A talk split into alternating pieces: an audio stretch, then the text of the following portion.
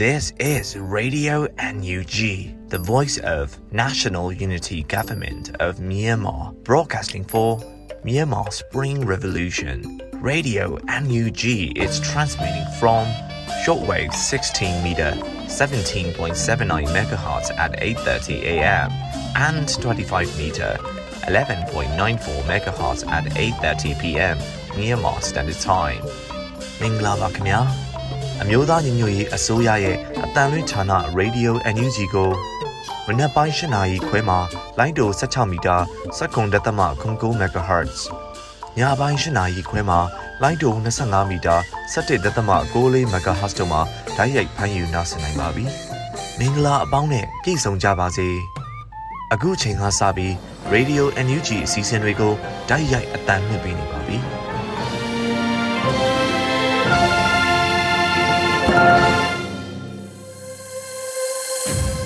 မြန်မာနိုင်ငံသူနိုင်ငံသားအပေါင်းတဘာဝပြီးဆရာနာရှင်ပြီးတို့ကနေကင်းဝေးပြီးကိုစိတ်နှပါပြီးကင်းလုံးကြုံကြပါစေလို့ရေဒီယိုအန်ယူဂျီဖွယ်သားများကဆုတောင်းမြတ်တာပို့သလာရပါတယ်ရှင်။အခုချိန်ကစပြီးပြည်တွင်းသတင်းများကိုမျိုးဦးမှုမှဖတ်ကြားတင်ပြပေးပါရမရှင်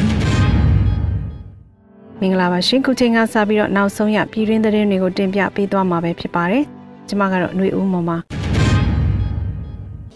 စစ်ကောင်စီတပ်တွေမြေပြင်မှာစစ်တိုက်နိုင်စွမ်းမရှိတော့ဘူးလို့ကာကွယ်ဝင်ကြီးဦးရင်မို့မြေပြင်အခြေအနေကိုထုတ်ဖော်ပြောကြားတဲ့သတင်းကိုဥစွာတင်ပြပေးပါမယ်။စစ်ကောင်စီတပ်တွေမြေပြင်မှာစစ်တိုက်နိုင်စွမ်းမရှိတော့ဘူးလို့ကာကွယ်ဝင်ကြီးဦးရင်မို့ကမြေပြင်အခြေအနေကိုစက်တင်ဘာလအတွင်းမှာပြည်သူမေးသမျှဖြေးတဲ့အစည်းအဝေးစကားဝိုင်းမှာထုတ်ဖော်ပြောကြားလိုက်ပါတယ်။လက်ရှိမြေပြင်ရဲ့အစည်းအခြေအနေကိုကြည့်မယ်ဆိုရင်စစ်ကောင်စီတပ်တွေဟာမြေပြင်မှာကောင်းကောင်းစစ်တိုက်နိုင်စွမ်းမရှိတော့ဘူးဆိုတာတွေ့ရတယ်။စစ်ကူပို့တာမျိုးတွေလည်းသူတို့ကောင်းကောင်းမလုပ်နိုင်ဘူး။ ထောက်ပို့လုပ်ငန်းတွေပင်လည်းရဟန်ရင်သုံးပြီးပို့နေရတာတွေ့ရတယ်။စီးရအထိနာနေတဲ့စစ်ကောင်စီတပ်တွေဟာလုံနိုင်တာတစ်ခုပဲရှိတော့ပြီး PDF ထောက်ခံတဲ့ရက်သားနဲ့ရွာတွေကိုမီးရှို့ဖျက်ဆီးတာတပ်ဖြတ်တာတွေလှုံ့ဆော်နေတယ်လို့ကာကွယ်ဝင်ကြီးကထပ်လောင်းဆိုပါတယ်။ပြည်သူ့ခုခံတွန်းလှန်စစ်ကို2021ခုနှစ်စက်တင်ဘာ9ရက်နေ့မှာမြို့သားညီညွတ်ရေးအစိုးရကကြေညာခဲ့ပါတယ်ရှင်။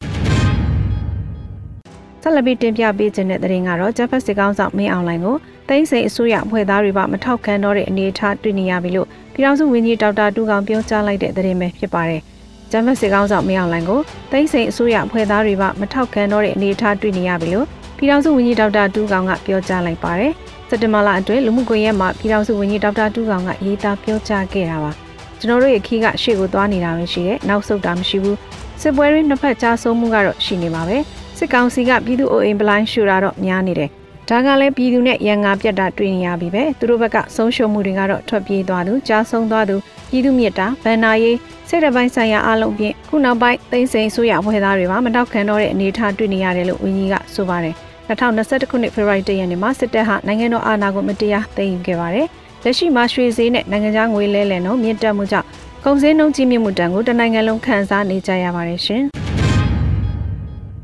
တရားမဝင်စစ်တပ်အာဏာသိမ်းမှုနဲ့စစ်တပ်ရဲ့ရက်စက်ကြမ်းကြုတ်မှုတွေကိုနီးလန်းဆောင်အသုံးပြုပြီးချိန်မီဖြည့်ရှင်းရလိုအပ်ကြောင်းတမ်မကြီးဦးကျော်မိုးထွန်းပြောကြားတဲ့သတင်းအကြောင်းအရာကိုဆက်လက်တင်ပြပေးကြပါမယ်။တရားမဝင်စစ်တပ်အာဏာသိမ်းမှုနဲ့စစ်တပ်ရဲ့ရက်စက်ကြမ်းကြုတ်မှုတွေကိုနီးလန်းဆောင်အသုံးပြုပြီးချိန်မီဖြည့်ရှင်းမှုလိုအပ်ကြောင်းတမ်မကြီးဦးကျော်မိုးထွန်းကပြောကြားခဲ့ပါတယ်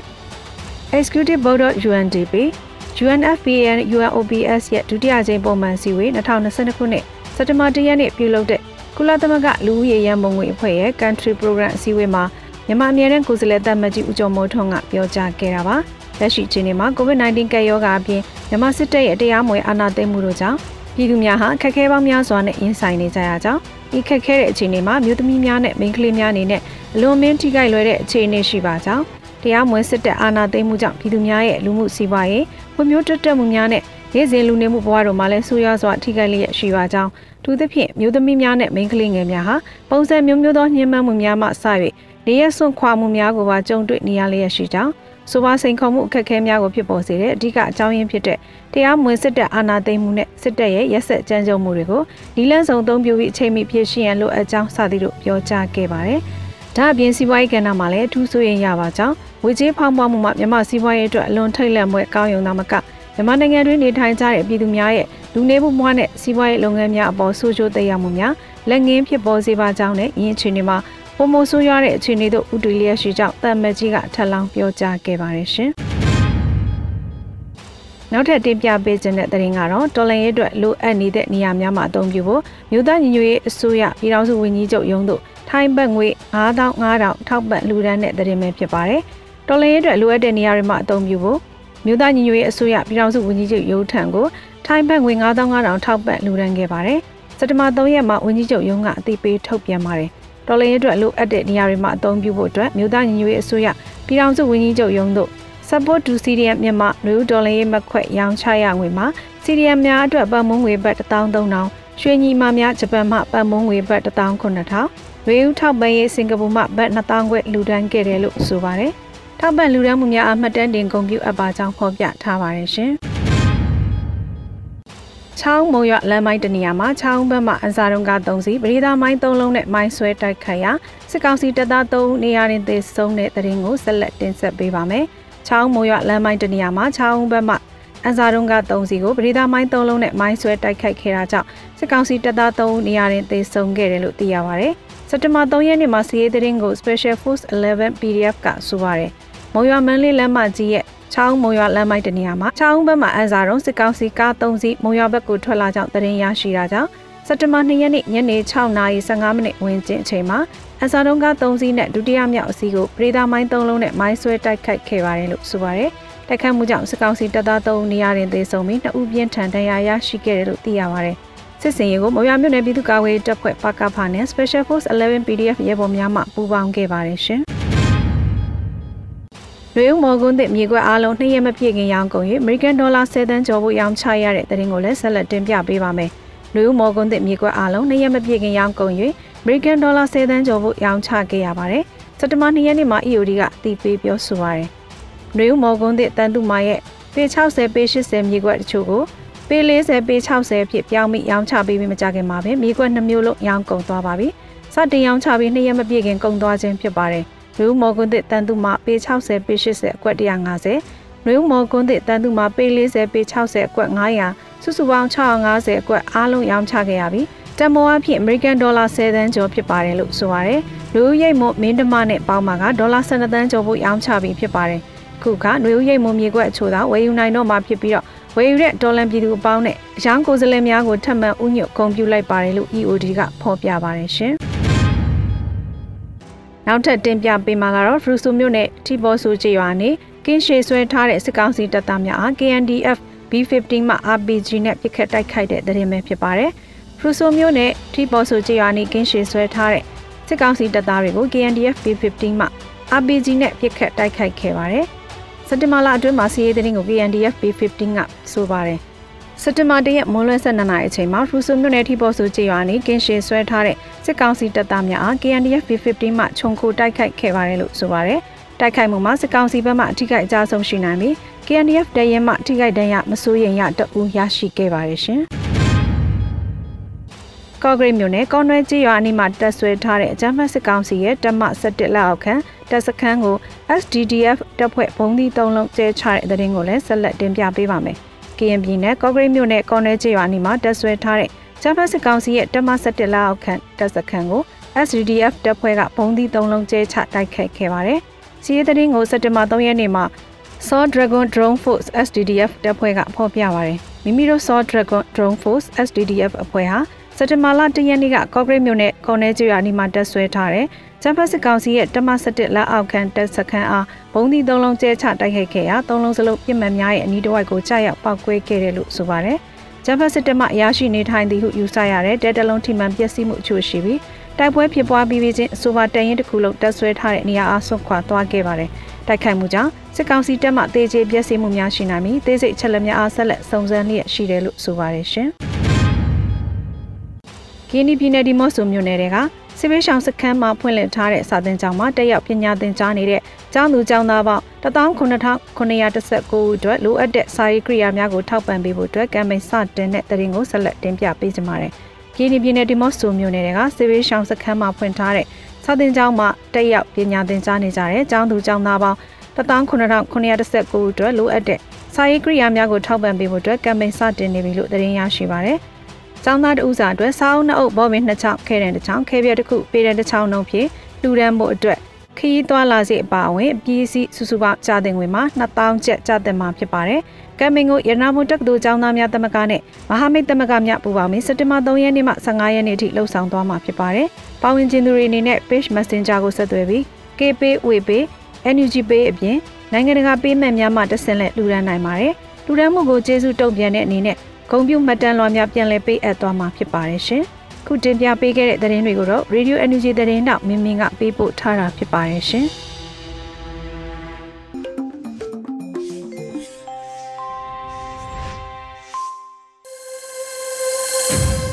ရေဒီယိုအန်ယူချီမှာဆက်လက်တမ်းလွှင့်ပေးနေပါတယ်။အခုဆက်လက်ပြီးတော်လှန်ရေးကြပြအနေနဲ့ငါတို့အိမ်မက်ဟာငါတို့စွန်စားကန်းတွေလို့အမည်ရတဲ့တော်လှန်ရေးကြပြကိုလူခါခါရေးသားပြီးမျိုးဦးမှုမှ ခန်းစားရွတ်ဖတ်ပေးထားပါတယ်ရှင်။ငါတို့အိမ်မက်ဟာငါတို့စွန်စားခန်းတွေမိုးစလင်းတော့အခန်းတကားကိုတွန်းဖွင့်လိုက်တယ်။မနက်ခင်းတွေဝိုးတိုးဝါထားတယ်။လမ်းမမြင်ကမ်းမမြင်တန်တရားဆက်ဝန်းတစ်ခုတည်းငါလှမ်းတွေးလိုက်ရတယ်လူတွေစက်ယုံအလုတ်သမားလေးတွေခေါင်းရွက်ဖြတ်ထိုးဈေးတယ်တွေ လမ်းလျှောက်ချီတက်နေတဲ့လူအုပ်ကြီးသူတို့မပေါက်သေးခရီးမှာသူတို့မပြီးမြောက်သေးတဲ့အိမ်မက်နေ့တွေများစီမျော်လင့်တကြီးလမ်းလျှောက်ချီတက်နေတဲ့လူတို့ထဲမှာငါတို့သူတို့ကိုယုံကြည်ရာကိုလျှောက်လှမ်းလို့ဒါမှမဟုတ်နေဆာတူဟာရှင်တန်မှုဖြစ်စဉ်ထဲကလိုအပ်ချက်တစ်ခုအတွက်လားမြို့မျက်နှာများရဲ့တစေဆန်မှုမှာ လူအုပ်ကြီးကတယောက်တလန်းအပြေးအလွာသွားနေပုံကအစမ်းတော့မဟုတ်ခင်အဲ့ဒါလိုနေတွေကြီးပါပဲ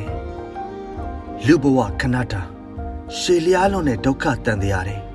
ငါတို့ဟီမောမောပါပဲအဲ့ဒီလိုနဲ့ငါတို့ရဲ့အိုမင်းရင်းရော်လာမှုအရေးရှိရှိညနေတွင်တန်တရားဝဲကေးရမှာတွဲလဲခိုခဲ့ကြ တပြားတဲ့နေအောင်အောက်မှာလူတွေအပြေးအလွှာသွားလာလှုပ်ရှားနေတဲ့မြင်ကွင်းဟာရင်သက်ရှုမောဖွယ်ဟာငါတို့အိမ်မက်တွေဟာငါတို့ရဲ့စွန်စားခန်းနေတွေပဲငါတို့ရဲ့အိမ်မက်ဟာကြောက်ကပါဆုံးမှာပွင့်နေတဲ့ပန်းပဲလူခခ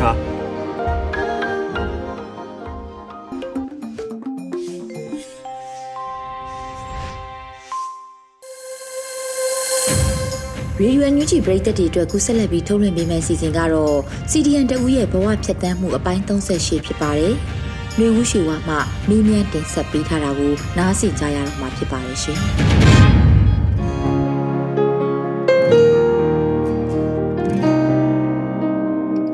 မင်္ဂလာပါညီမကြီးပထမဆုံးအနေနဲ့လေညီမတောင်ဝင်ထမ်းဆောင်ခဲ့တဲ့ဌာနနဲ့ဘယ်လိုမျိုးပေါ့နော်ဒါ CDN မှာပါဝင်ဖြစ်ခဲ့တယ်ဆိုတာကိုလည်းပထမဆုံးအနေနဲ့သိပြရစီရှင်။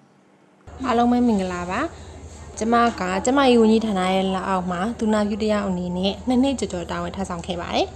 ကျမတို့ကဒီကိစ္စကလုံးဝကိုမဖြစ်သင့်မဖြစ်ထိုက်တဲ့လုံးဝကိုမတရားမှုကြီးဖြစ်တဲ့အတွက်ကြောင့်ကျမတို့လုံးဝလက်သင့်မခံနိုင်တဲ့ကိုယ်ပိုင်စိတ်ဆန္ဒနဲ့ CDN လုပ်ဖို့အဆုံးထိ CDN လုပ်ဖို့အတွက်ရည်ရွယ်ပြီးသားဖြစ်ပါတယ်အဲ့ဒီမှာမှကျမတို့ကတရက်နေ့စဖြစ်တဲ့အချိန်မှာကျမတို့တစည်းရုံလုံးအစည်းအဝေးစတင်ထိုင်ပြီးစီးရုံကို emergency department ကိုလုံးဝပိတ်ချဖို့အတွက်ဆုံးဖြတ်ချက်ချခဲ့ပြီးတော့ emergency department ကိုအကုန်ပိတ်ခဲ့တယ်။ဒါပေမဲ့အကျရှိနေတဲ့လူနာတွေကိုတော့ဆက်လက်ကုသပေးပြီးတော့အဲ့ဒီလူနာတွေအားလုံးဆေးရုံဆင်းသွားတဲ့အခါမှာရှေ့ရက်နေရနေအကုန်လုံးပိတ်ပြီးဆရာဝန်တွေဆရာမတွေအကုန် CTVM လုပ်ဖြစ်ဖို့အတွက်ဆုံးဖြတ်ချက်တွေပို့ခိုင်းมาသွားခဲ့ပါတယ်။ဟုတ်ကဲ့ဒီလိုမျိုး CDM မှာပါဝင်ဖြစ်ခဲ့ပြီးနောက်ပိုင်းမှာလေဘလို့အခြေအနေမျိုးတွေနဲ့ပေါ့နော်ဒီခက်ခဲတွေနဲ့ကြုံတွေ့ခဲ့ရတယ်ရင်ဆိုင်ခဲ့ရလဲဒီတွေ့ကြုံလေးတွေနဲ့ပတ်သက်ပြီးတော့လဲမတို့ဝေမျှပေးပါအောင် တည်တည်လောက်ခဲ့ပြီးတဲ့အချိန်မှာကျမတို့အိမ်ပြန်တော့လဲ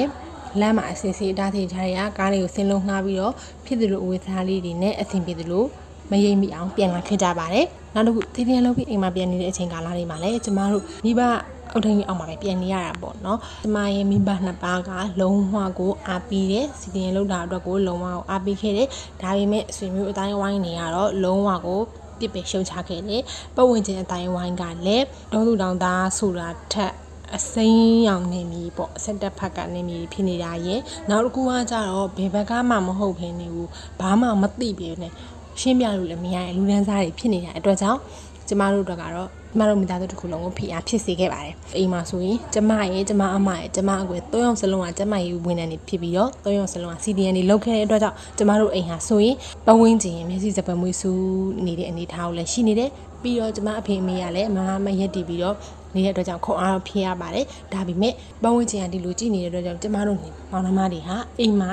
နေနေပြီမဲ့ကြာလာတဲ့အခါမှာလုံးဝအိမ်မှာဆက်နေလို့ ချိန်ဒီကာလာတွေတော်တော်ကြာကြာဆိုးလာတဲ့ခါမှာအိမ်မှာဆက်နေဖို့မဖြစ်နိုင်တဲ့အနေအထားတွေရှိလာတဲ့ခါကျတော့ကျမတို့ကရန်ကုန်မြို့ကိုတက်လာပြီးတော့အဆင်ပြေတဲ့နေရာအသေးသေးမှာခွဲနေခဲ့ကြပါတယ်။ဆက်စချင်းမှာအလုပ်ကိုင်လုပ်ဖို့ဆိုတာကလည်းလုံးဝအဆင်မပြေခဲ့ပါဘူး။အဆင်ပြေတဲ့နေရာမှာနေခဲ့တယ်။အဆင်ပြေတဲ့နေရာမှာနေပြီးတော့ ကျမတို့ရက်တည်ခဲ့ပါတယ်။ဥပမာအဖြစ်ကိုဗစ်ရောဂါကြီးဖြစ်ပွားခဲ့တဲ့ခါကျတော့ကိုဗစ်အလုပ်တွေကိုကျမတို့တက်ဆွတ်ဆန်တဲ့လှုပ်လာခဲ့ပါတယ်။ရှစ်လပိုင်းလောက်မှာစတင်ပြီးလှုပ်ကိုင်ခဲ့ပါတယ်။ခဏတစ်ဖြုတ်လှုပ်ကိုင်ခဲ့ပါတယ်။မတက်တာတဲ့အဆုံးမှာပေါ့နော်။အကုန်လုံးကိုကျမကြီးဆက်ရှောက်မှုတစ်ထပ်တစ်ဖက်တစ်လမ်းကပြီးခြင်းအပြင် volunteer အနေနဲ့ကိုဗစ်စင်တာတွေမှာလှုပ်ဆောင်ခဲ့ပါတယ်။အဲ့ဒီ volunteer အနေနဲ့ကိုဗစ်ကုသရေးစင်တာတွေကိုဖွင့်တဲ့အခါမှာလည်းစကားစာဘက်ကဖွဲ့အစည်းနဲ့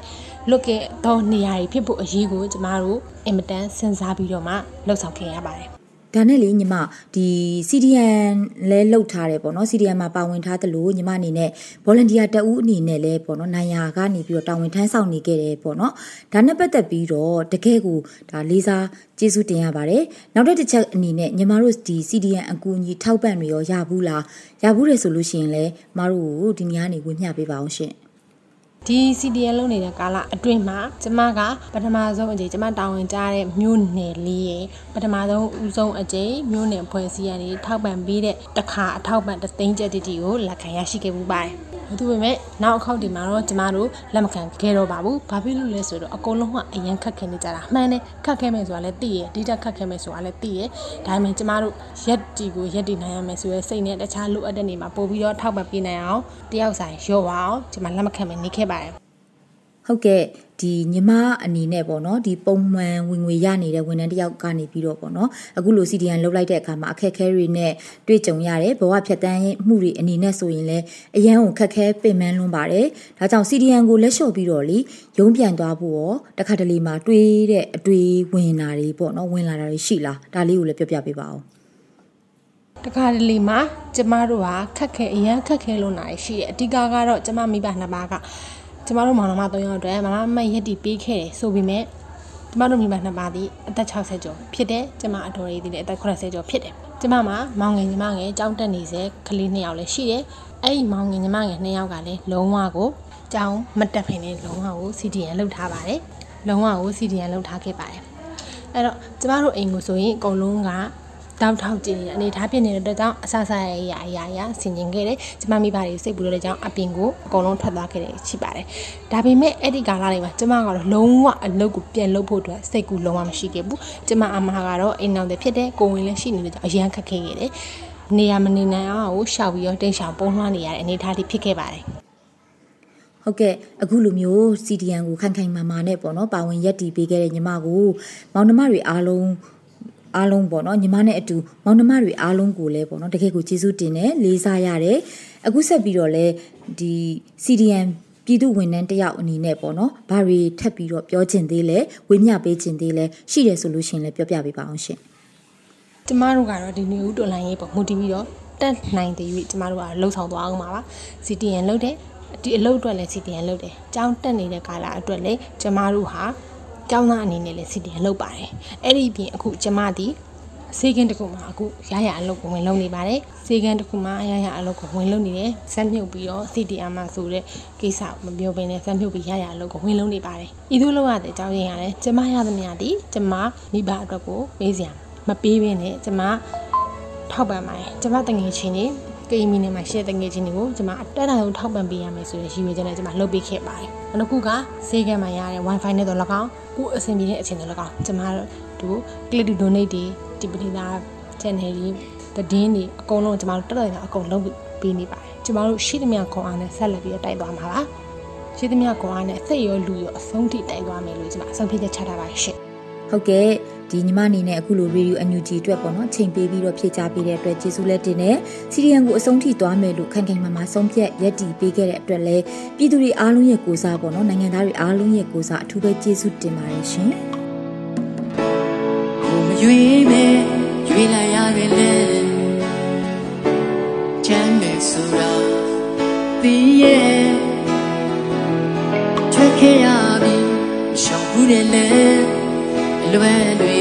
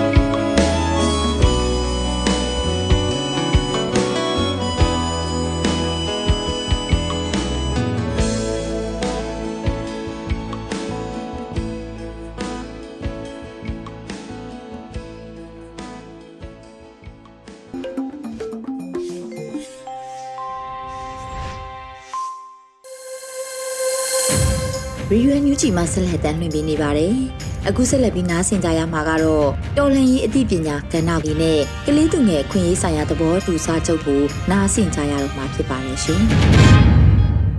ခလေးတငယ်အခွင့်အရေးဆိုင်ရာသဘောတူစာချုပ်အပိုက်တစ်ခလေးအသက်သတ်မှတ်ချက် session နှစ်အပိုက်နဲ့မြည်သည့်ခလေးကိုမှခွဲခြားခြင်းမရှိခြင်းအပိုက်သုံး နိုင်ငံတော်အစိုးရကခလေးများအတွက်အကောင်းဆုံးအကျိုးကို လေးစားလှုပ်ဆောင်ပေးခြင်းအပိုက်လေးကလေးများအခွင့်အရေးကိုနိုင်ငံတော်အစိုးရကဗတ်ပေါင်းစုံမှအစွမ်းကုန်ကာကွယ်ပေးခြင်းအပိုင်ကမိဘများဤထိမ့်သိမ်းလမ်းညွန်ခွင့်ကို အစိုးရကလေးစားခြင်းအပိုင်6အသက်ရှင်ရည်တည်ခွင့်ဖွံ့ဖြိုးတိုးတက်ခွင့်အပိုင်9 အမည်မဲ့ပိုင်ခွင့်နဲ့မွေးစားမှတ်ပုံတင်ခွင့်အပိုင်10မိဘမျိုးရိုးကိုရေးအချက်လက်များသိရှိခွင့်အပိုင်9ကလေးများအတွက်အကောင်းဆုံးအကျိုးဖြစ်ပါကမိဘများနဲ့ခွဲခွာထားနိုင်ခြင်းအပိုက်30မိသားစုချင်းပြန်လည်တွေ့ဆုံနိုင်ရန်အတွက်နိုင်ငံအတွင်းလာရောက်ခွင့်ထွက်ခွာခွင့်ပြုခြင်းအပိုက်7 ကလေးများအားနိုင်ငံသားတို့ပြန်လန်းမရှိခေါ်ဆောင်ခြင်းမှကာကွယ်ပေးခြင်းအပိုက်7ကလေးများနှင့်ပတ်သက်သောဆုံးဖြတ်ချက်များချမှတ်ရာတွင်ကလေးများ၏အယူအဆများကိုထည့်သွင်းစဉ်းစားခြင်းအပိုက်73လွတ်လပ်စွာပြောဆိုခွင့်တည်င်းများရယူခွင့်အပိုက်74လွတ်လပ်စွာတွေးခေါ်ခွင့်ယုံကြည်ကိုးခွဲခွင့်အ ပိုက်15လွတ်လပ်စွာအဖွဲ့အစည်းဖွဲ့စည်းခွင့်စုဝေးခွင့်အပိုက်16ပုဂ္ဂလိကလွတ်လပ်ခွင့်အပိုက်19ကလေးများဖွံ့ဖြိုးတိုးတက်ရေးအတွက်လူမှုတည်င်းလုပ်ငန်းများကလှုပ်ဆောင်ပေးခြင်းအပိုက်18ကလေးများဖွံ့ဖြိုးတိုးတက်မှုအတွက်မိဘအုပ်ထိန်သူများကို နိုင်ငံတော်ကလိုအပ်သောအကူအညီများပေးခြင်းအ ပိုက်19ကလေးများအားရုပ်ပိုင်းစိတ်ပိုင်းနှိမ့်ဆက်မှုမှကာကွယ်ပေးခြင်းအပိုက်20မိသားစုနှင့်ဝေးကွာသောကလေးများကိုကူညီကာကွယ်ပေးရန်အပိုက်21ကလေးများ၏အကောင်းဆုံးကောင်းကျိုးအတွက်ဖြစ်ပါကမွေးစားမှုကိုခွင့်ပြုခြင်းအပိုက်20နှစ်ဒုက္ခသည်ကလေးများအား လိုအပ်သောကူညီကာကွယ်မှုများပေးခြင်းအပိုက်23ရုပ်ပိုင်းနှင့်စိတ်ပိုင်းကူညီမှုအထူးလိုသောကလေးများကိုကာကွယ်ဆောက်ရှောက်ပေးခြင်းအပိုက်24အမြင့်မားဆုံးကျန်းမာရေးဆောက်ရှောက်မှုရရှိခွင့်အပိုက်25စောင့်ရှောက်ရေးဌာနများအောက်ရှိကလေးများကိုအချိန်မှန်မှန်စစ်ဆေးနိုင်ခြင်း အပိုက်26လူမှုဖူလုံရေးအကျိုးများခံစား권အပိုက်29လုံလောက်သောလူနေမှုဘဝအဆင့်တန်းရရှိ권အပိုက်28မူလရန်ပညာမသိမနေရအပါအဝင်တန်းတူပညာသင်ကြား권အပိုက်29 ကလေးများဤကိုရီကိုသွေးနှင့်ဘလ9တန်တိုးတက်စေသောပညာရေးဖြစ်ခြင်းအပိုက်30တိုင်းရင်းသားလူမျိုးစုဝင်ကလေးများဤယဉ်ကျေးမှုဘာသာစကားကိုကာကွယ်ပေးခြင်းအပိုက်31အပန်းဖြေအနာယူခွင့်အပိုက်32မတရားစီးပွားရေးအမျက်ထုတ်မှုစိတ်ခိုင်းမှုတို့မှကာကွယ်ပေးခြင်း အပိုက်33မူရစေဝါလုပ်ငန်းများတွင်မပါဝင်အောင်ကာကွယ်ပေးခြင်းအပိုက်34လိမ်မိုင်းဆိုင်ရာစော်ကားအမျက်ထုတ်မှုမှကာကွယ်ပေးခြင်းအပိုက်35နီးမျိုးစုံဖြင့်ကူးတန်းရောင်းဝယ်ခြင်းမှကာကွယ်ပေးခြင်းအပိုက်36ကလေးများ၏ဘဝကို ထိခိုက်စေမည့်အကတိ အစွဲများမှကာကွယ်ပေးခြင်းအပိုက်39မတရားအဖြစ်ပေးနှိပ်စက်ခြင်းတည်ရန်ပေးခြင်းတို့မှကာကွယ်ပေးခြင်းအပိုက်38အသက်15နှစ်အောက်ကလေးများအားစစ်မှုထမ်းစီခြင်းမှကာကွယ်ပေးခြင်းအပိုက်39စော်ကားပြက်ပယ်ခံကလေးများအားနေသားတခြားဖြစ်ရန်လှုံ့ဆော်ပေးခြင်းအပိုက်40 ရာဇဝတ်မှုနှင့်ပတ်သက်နေသောကလေးများကိုကလေးဥပဒေများဖြင့်သာကင်တွယ်ဖြေရှင်းပေးခြင်း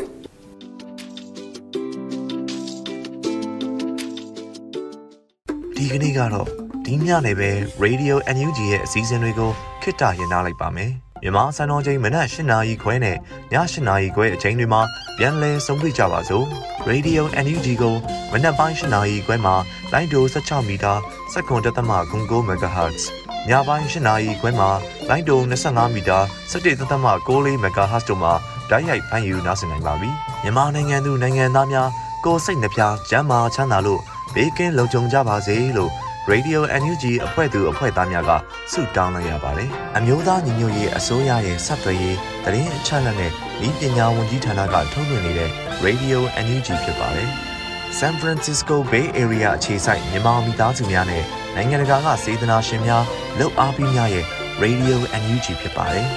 ။အရေးတော်ပုံအောင်ရမည်